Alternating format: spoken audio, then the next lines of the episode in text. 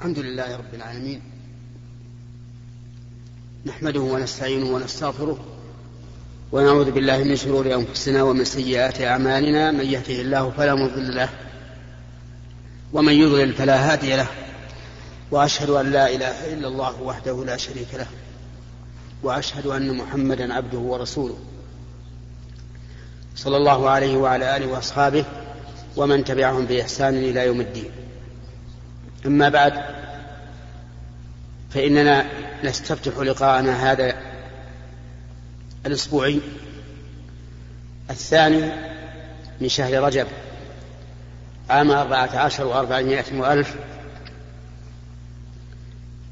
والذي يتم في كل يوم خميس نستفتح بتفسير سورة سبح اسم ربك الأعلى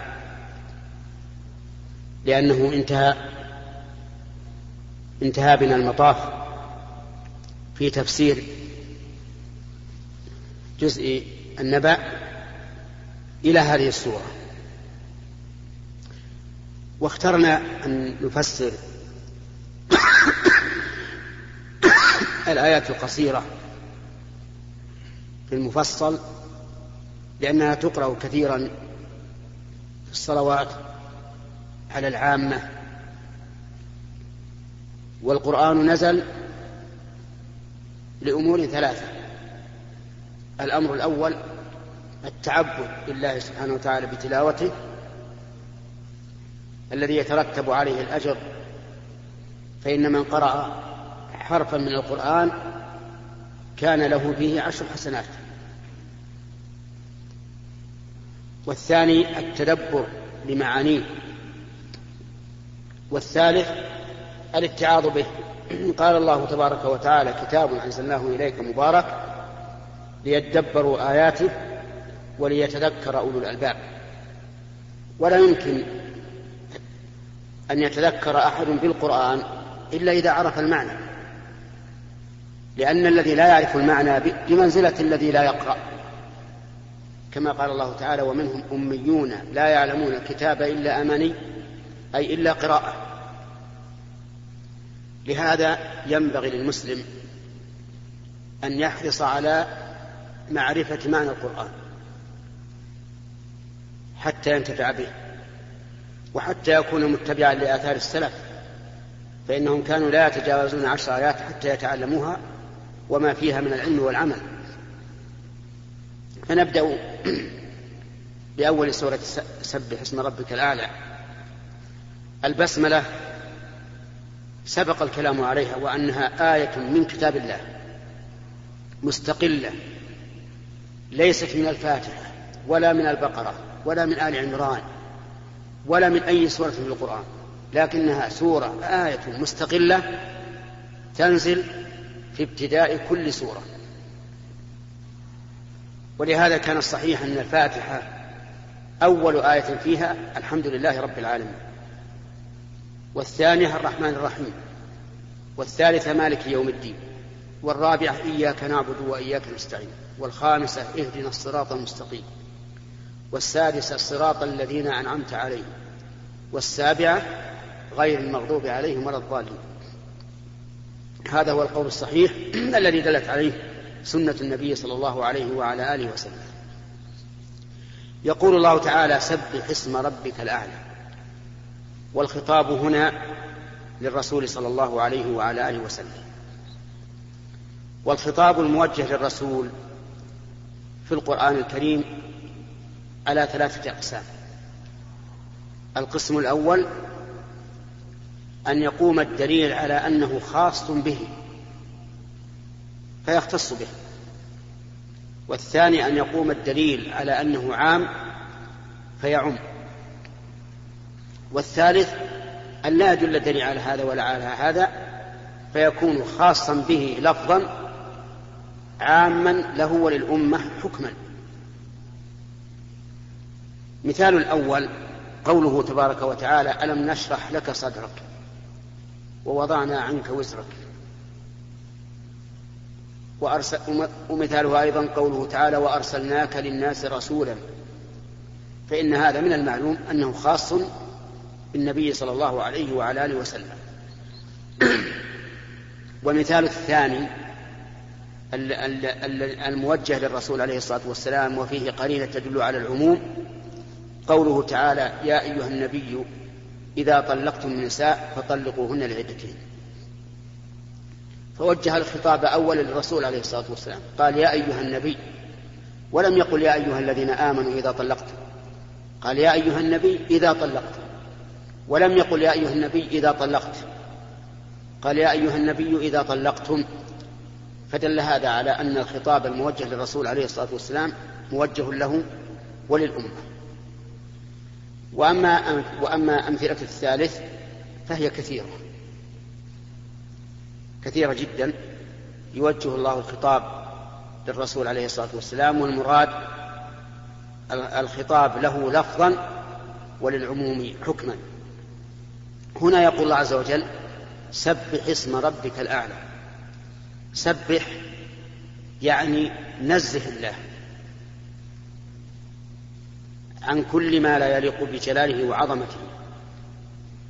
فإن التسبيح يعني التنزيه إذا قلت سبحان الله يعني أنني أنزه الله عن كل سوء عن كل عيب عن كل نقص. ولهذا كان من أسماء الله تعالى السلام.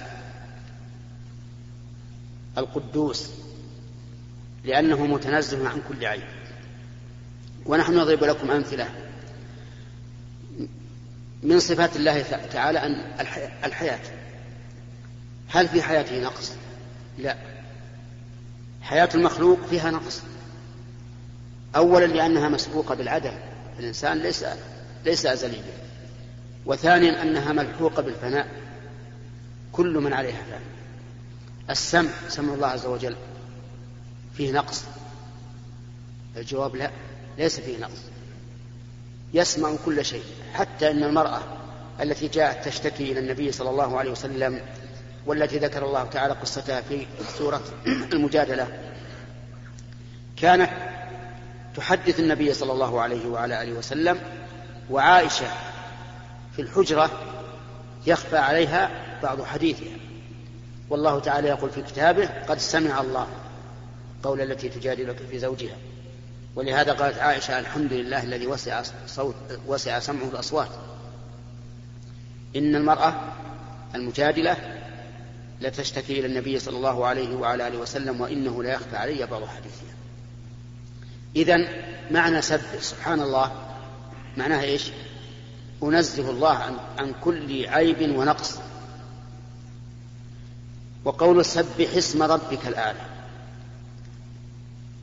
قال بعض المفسرين إن قوله اسم ربك يعني مسمى ربك لأن التسبيح ليس للاسم بل لله نفسه. ولكن الصحيح أن معناها سبح ربك ذاكرا اسمه. يعني لا تسبحه بالقلب فقط بل سبحه بالقلب واللسان وذلك بذكر اسم بذكر اسمه تعالى. ويدل لهذا المعنى قوله تعالى فسبح باسم ربك العظيم. يعني سبح تسبيحا مقرونا بالاسم. وذلك لأن تسبيح الله تعالى قد يكون بالقلب بالعقيدة وقد يكون باللسان وقد يكون بهما جميعا. والمقصود أن نسبح بهما جميعا بقلبه لافظا بلسانه. وقوله ربك الرب معناه الخالق المالك المدبر لجميع الأمور. فالله تعالى هو الخالق وهو المالك وهو المدبر لجميع الأمور. وهل المشركون يقرون بذلك؟ الجواب نعم يقرون بذلك. ولئن سألتهم من خلق السماوات والأرض ليقولون الله ولئن سألتهم من خلقهم ليقولون الله. وأخبر الله سبحانه وتعالى أنهم إذا سئلوا من يدب أمن يملك السماء والأبصار؟ ومن يخرج الحي من الميت؟ ويخرج الميت من الحي؟ ومن يدبر الأمر فسيقولون الله. فهم يقرون بأن الله له الملك وله التدبير وله الخلق. لكن يعبدون معه غيره. من الجهل. كيف تقر بأن الله وحده هو الخالق المالك المدبر للأمور كلها وتعبد معه غيره؟ إذا معنى الرب على هذا هو الخالق. بعده المالك المدبر لجميع الأمور. وكل إنسان يقر بذلك يلزمه أن لا يعبد إلا الله. كما تدل عليه الآيات الكثيرة. يا أيها الناس اعبدوا ربكم الذي خلقكم والذين من قبلكم. قال اعبدوا ربكم الذي خلقكم. يعني لا تعبدون غيره. سبح اسم ربك الأعلى. الأعلى من العلو. وعلو الله عز وجل نوعان. علو صفة وعلو ذات. أما علو الصفة فإن أكمل الصفات لله عز وجل. قال تعالى ولله المثل الأعلى. وأما علو الذات فهو أن الله تعالى فوق عباده مستو على عرشه. والإنسان إذا قال يا الله أين أين يتجه؟ إلى السماء إلى فوق. فالله جل وعلا فوق كل شيء. مستو على عرشه. إذا الأعلى إذا قرأت فاستشعر بنفسك أن أن الله عالم بصفاته وعالم بذاته. ولهذا كان الإنسان إذا سجد يقول إيش؟ سبحان ربي الأعلى. يتذكر بسفوله هو لأنه هو الآن نزل. أنزل شيء هو هذا. أشرف ما في الإنسان وأعلى ما في الإنسان هو وجهه. ومع ذلك ينزله يجعله في الأرض التي تداس بالأقدام. فكان من الحكمة أن يقول سبحان ربي الأعلى يعني أنزه ربي الذي هو فوق كل شيء لأني نزلت أنا أسفل كل شيء. فتسبح الله الأعلى بصفاته والأعلى بذاته وتشعر عندما تقول سبحان ربي الأعلى أنك تس... أن ربك تعالى فوق كل شيء وأنه أكمل كل شيء في الصفات في الصفات. ثم قال الذي خلق فسوى. خلق يعني أوجد من العدم. كل المخلوقات أوجدها الله عز وجل. قال الله تبارك وتعالى يا أيها الناس كانت بالحمام عندك. يا أيها الناس ضرب مثل فاستمعوا له سبحان الله. الله يقول يا أيها الناس ضرب مثل فاستمعوا له استمعوا إن الذين تدعون من دون الله لن يخلقوا ذبابا ولو اجتمعوا له. وإن يسلبهم الذباب شيئا لا يستنقذوه منه. والله مثل عظيم. كل الذين تدعون من دون الله لا يخلقون ذبابا. ولو اجتمعوا له. لو يجتمع جميع الآلهة التي تعبد من دون الله وجميع السلاطين وجميع الرؤساء وجميع المهندسين على أن يخلقوا ذبابا واحدا ما استطاعوا إلى ذلك سبيلا. الآن ونحن في هذا العصر وقد تقدمت الصناعة هذا التقدم الهائل لو اجتمع كل هؤلاء الخلق أن يخلقوا ذبابا ما استطاع. حتى لو, لو, لو أنهم كما يقولون إنهم صنعوا آدميا آليا ما يستطيعون أن يخلقوا ذبابا. هذا الآدم الآلي ما هو إلا آلات تتحرك فقط لكن لا تجوع. ولا تعطش ولا تحتر ولا تبرد ولا تتحرك إلا بتحريك. الذباب لا يمكن يخلقه كل من سوى الله. فالله سبحانه وتعالى وحده هو الخالق. وبماذا يخلق؟ بكلمة واحدة. إن مثل عيسى عند الله كمثل آدم خلقه من تراب ثم قال له كن فيكون. إنما أمره إذا أراد شيئا أن يقول له كن فيكون. كلمة واحدة. الخلائق كلها تموت وتفنى وتأكلها الأرض وتأكلها السباع وتحرقها النيران. وإذا كان يوم القيامة زجره الله زجرة واحدة أخرج فتخرج. فإنما هي زجرة واحدة فإذا هم بالساهرة. إن كانت إلا صيحة واحدة فإذا هم جميع لدينا محفوظون. كل العالم من إنس وجن ووحوش وحشرات وغيرها كلها يوم القيامة تحشر. كلمة واحدة. إذن فالله عز وجل وحده هو الخالق ولا أحد يخلق معه والخلق لا, لا يعسره ولا يعجزه وهو سهل عليه ويكون بكلمة واحدة. وقوله فسوى خلق فسوى يعني سوى ما خلقه على أحسن صورة وعلى الصورة المناسبة. الإنسان مثلا قال الله تعالى في في سورة الانفطار الذي خلقك فسواك فعدلك في أي صورة ما شاء ركبك لقد خلق الإنسان في أحسن تقويم.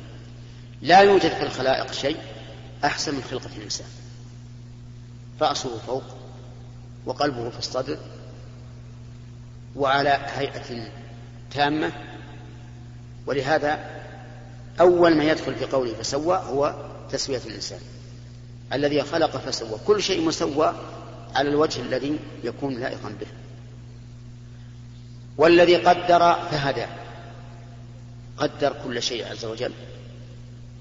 كما قال تعالى وخلق كل شيء فقدره تقديرا. قدره في حاله وفي مآله في ذاته وفي صفاته. كل شيء له قدر محدود. الآجال محدودة الأحوال محدودة الأجسام محدودة. كل شيء مقدر تقديرا كما قال تعالى وخلق كل شيء فقدره تقديرا. وقول فهدى يشمل الهداية الشرعية والهداية الكونية. الهداية الكونية أن الله هدى كل شيء لما خلق له. قال فرعون لموسى من ربكما يا موسى؟ قال ربنا الذي أعطى كل شيء خلقه ثم هدى. تجد كل مخلوق قد هداه الله تعالى لما يحتاج إليه. الطفل الآن انظر إلى الطفل. إذا خرج من بطن أمه وأراد أن يرضع هل في أحد يقول ارفع رأسك ارفع من الثدي؟ نعم. لا. ولو كان في أحد ما فقط. لكن يهديه الله عز وجل إلى هذا الثدي يرتضى منه. انظر إلى أدنى الحشرات. النمل مثلا. أين تضع بيوتها؟ لا تضع بيوتها إلا في مكان مرتفع من الأرض. على ربوة من الأرض. لماذا؟ تخشى من من السيول تدخل بيوتها فتفسدها. أيضا إذا جاء المطر وكان في جحورها أو في بيوتها طعام من الحبوب تخرج به إذا طلعت الشمس. تنشره. لماذا؟ لئلا يعفن وهي قبل أن تدخره تأكل أطرافه أطراف الحبة. لئلا تنبت فتفسد عليها.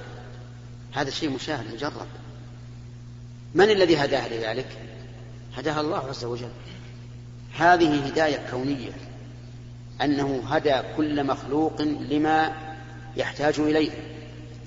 أما الهداية الشرعية وهي الأهم بالنسبة لبني آدم فهي أيضا بينها الله عز وجل. حتى الكفار قد هداهم الله. يعني بين لهم. قال الله تعالى وأما ثمود فهديناهم. فاستحبوا العمى على الهدى والعياذ بالله. استحبوا الكفر على دينهم. الهداية الشرعية هي المقصودة من حياة بني آدم. وما خلقت الجن والإنس إلا ليعبدون. وإنما أخبرنا الله بذلك لأن لأجل أن نلجأ إليه في جميع أمورنا. إذا علمنا أنه هو الخالق بعد العدم وأصابنا مرض إلى من نلجأ؟ نعم إلى الله. الجأ إلى الله لأن الذي خلقك وأوجدك من العدم قادر على أن يصحح بدنك. إذا الجأ إلى ربك اعتمد عليه. ولا حرج أن تتناول ما أباح لك من الدواء. لكن مع اعتقاد أن هذا الدواء مثلا سبب من الأسباب جعله الله عز وجل. وإذا شفيت بهذا السبب فمن الذي شفاك؟ الله عز وجل. هو الذي جعل هذا الدواء سببا لشفائك. ولو شاء لجعل هذا الدواء سببا لهلاك. فإذا علمنا أن الله هو الخالق فنحن نلجأ في أمورنا كلها إلى الله عز وجل.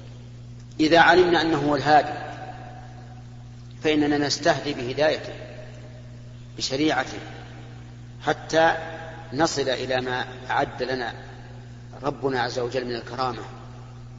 نسأل الله تعالى أن يهدينا وإياكم صراطه المستقيم وأن يحلنا وإياكم دار كرامته مع الذين أنعم الله عليهم من النبيين والصديقين والشهداء والصالحين. وإلى هنا ينتهي الكلام على هذه الآيات الكريمة وأحثكم مرة أخرى على تعلم معاني آيات القرآن. إذا شئتم أن تنتفعوا به حقيقة فعليكم بمعرفة معناه. لكن من أين؟ من العلماء الموثوقين. أو من تفاسير العلماء الموثوقين. لأن الناس تكلموا في كلام الله وبحثوا في معانيه لكن منهم من هدي إلى الصراط المستقيم ومنهم من حصل له انحراف بسبب من الأسباب إما لقصور علمه أو أو فهمه أو سوء نيته لأن الإنسان قد يحرم الصواب بسبب سوء النية والعياذ بالله نعم الآن نبدأ بالأسئلة ها؟ وين؟ أي شيء طيب هذا يقول يستأذن في قصيدة هل ترغبون نأذن له؟ ما نعم طيب.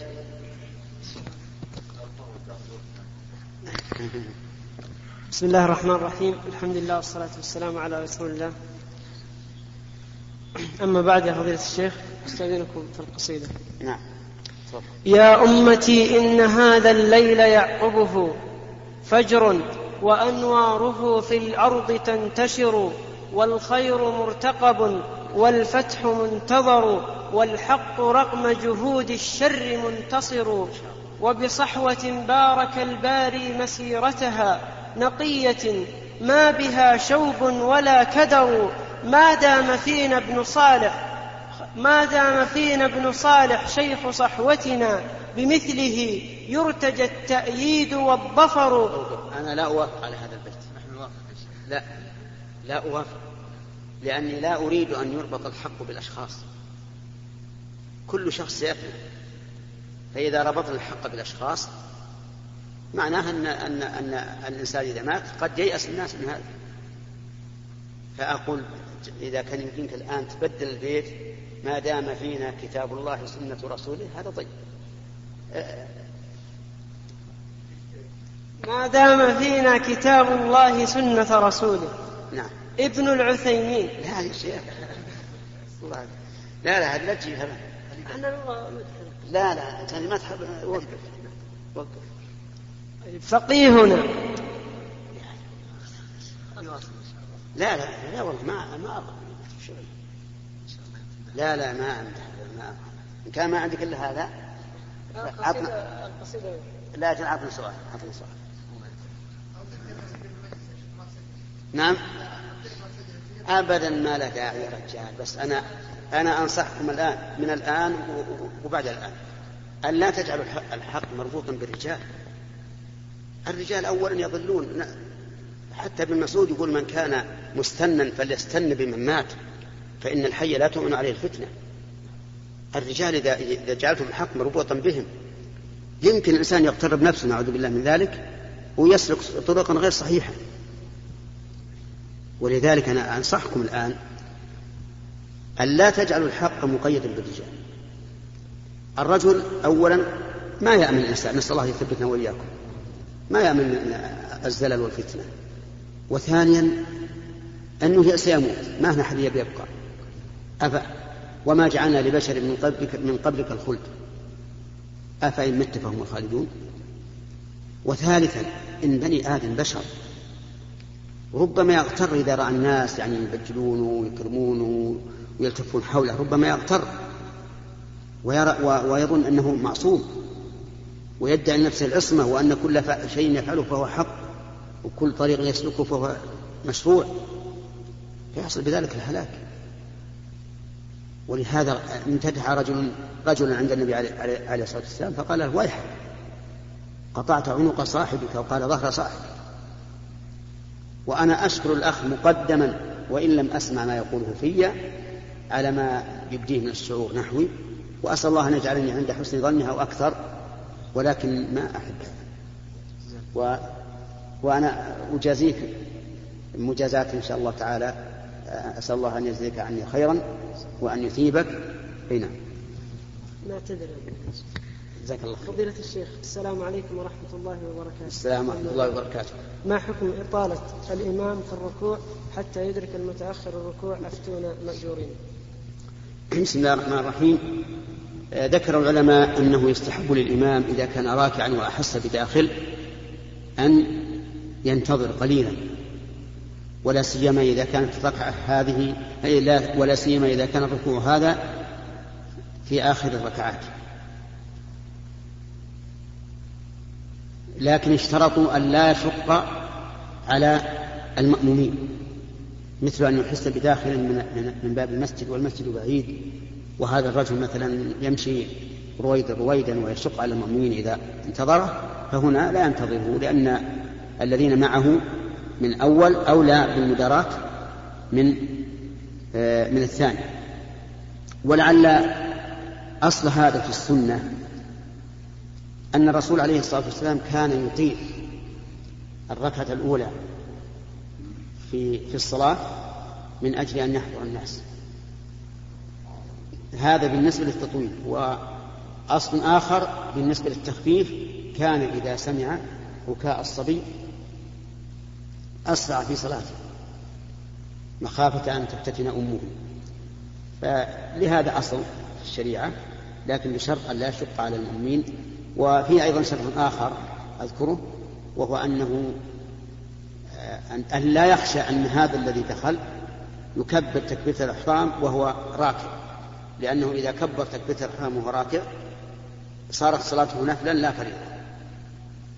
لأن بعض الناس مع السرعة يكبر وهو يهوي.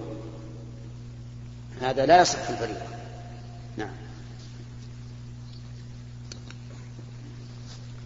فضيلة الشيخ هذا أخ يسأل فضيلتكم فضيلتكم ويقول لا الأول صحيح. فضيلتكم ويقول السلام عليكم ورحمة الله وبركاته. فضيلة الشيخ حدث أن والدي من قبل سبع سنوات تغير تغيرا كليا في معاملته مع والدتي ومعي ومع إخواني. تغير في سلوكه ومعاملته علما أن هذا التحول من مدة طويلة تزيد عن ست سنوات ولم يحدث هذا إلا بعد زواجه من امرأة أخرى وثبت يقينا أنه مسحور لما يرى على حاله من دلائل السحر ومن علاماته. فما رأي سماحتكم في حل هذه المشكلة المحيرة التي حولت البيت إلى جحيم لا يطاق؟ وهل من طريقة أو توجيه لهذا الرجل؟ جزاكم الله خيرا. الحمد لله رب العالمين. هذا السؤال يستحق العناية وهو أن بعض الناس يتزوج امرأة جديدة على امرأته الأولى فيحبها ثم يكون معها وينسى الأولى. وهذا لا شك أنه من كبائر الذنوب من كبائر الذنوب أن يميل الإنسان مع إحدى زوجتيه. لأن النبي صلى الله عليه وعلى آله وسلم قال من كان له امرأتان فمال إلى إحداهما جاء يوم القيامة وشقه مائل. وهذا وعيد والعياذ بالله شديد. يوم القيامة وكل العالم موجودة يشهدون على عقوبته هذا أمر عظيم جدا. فالميل مع إحدى النساء أي مع إحدى الزوجات من كبائر الذنوب. إلا شيئا لا تملك. من فضلك اقلب الشريعة. المحبة وما يكون ناشئا عنها فهذا لا يستطيع الإنسان أن يقوم به. ولهذا قال تعالى ولن تستطيعوا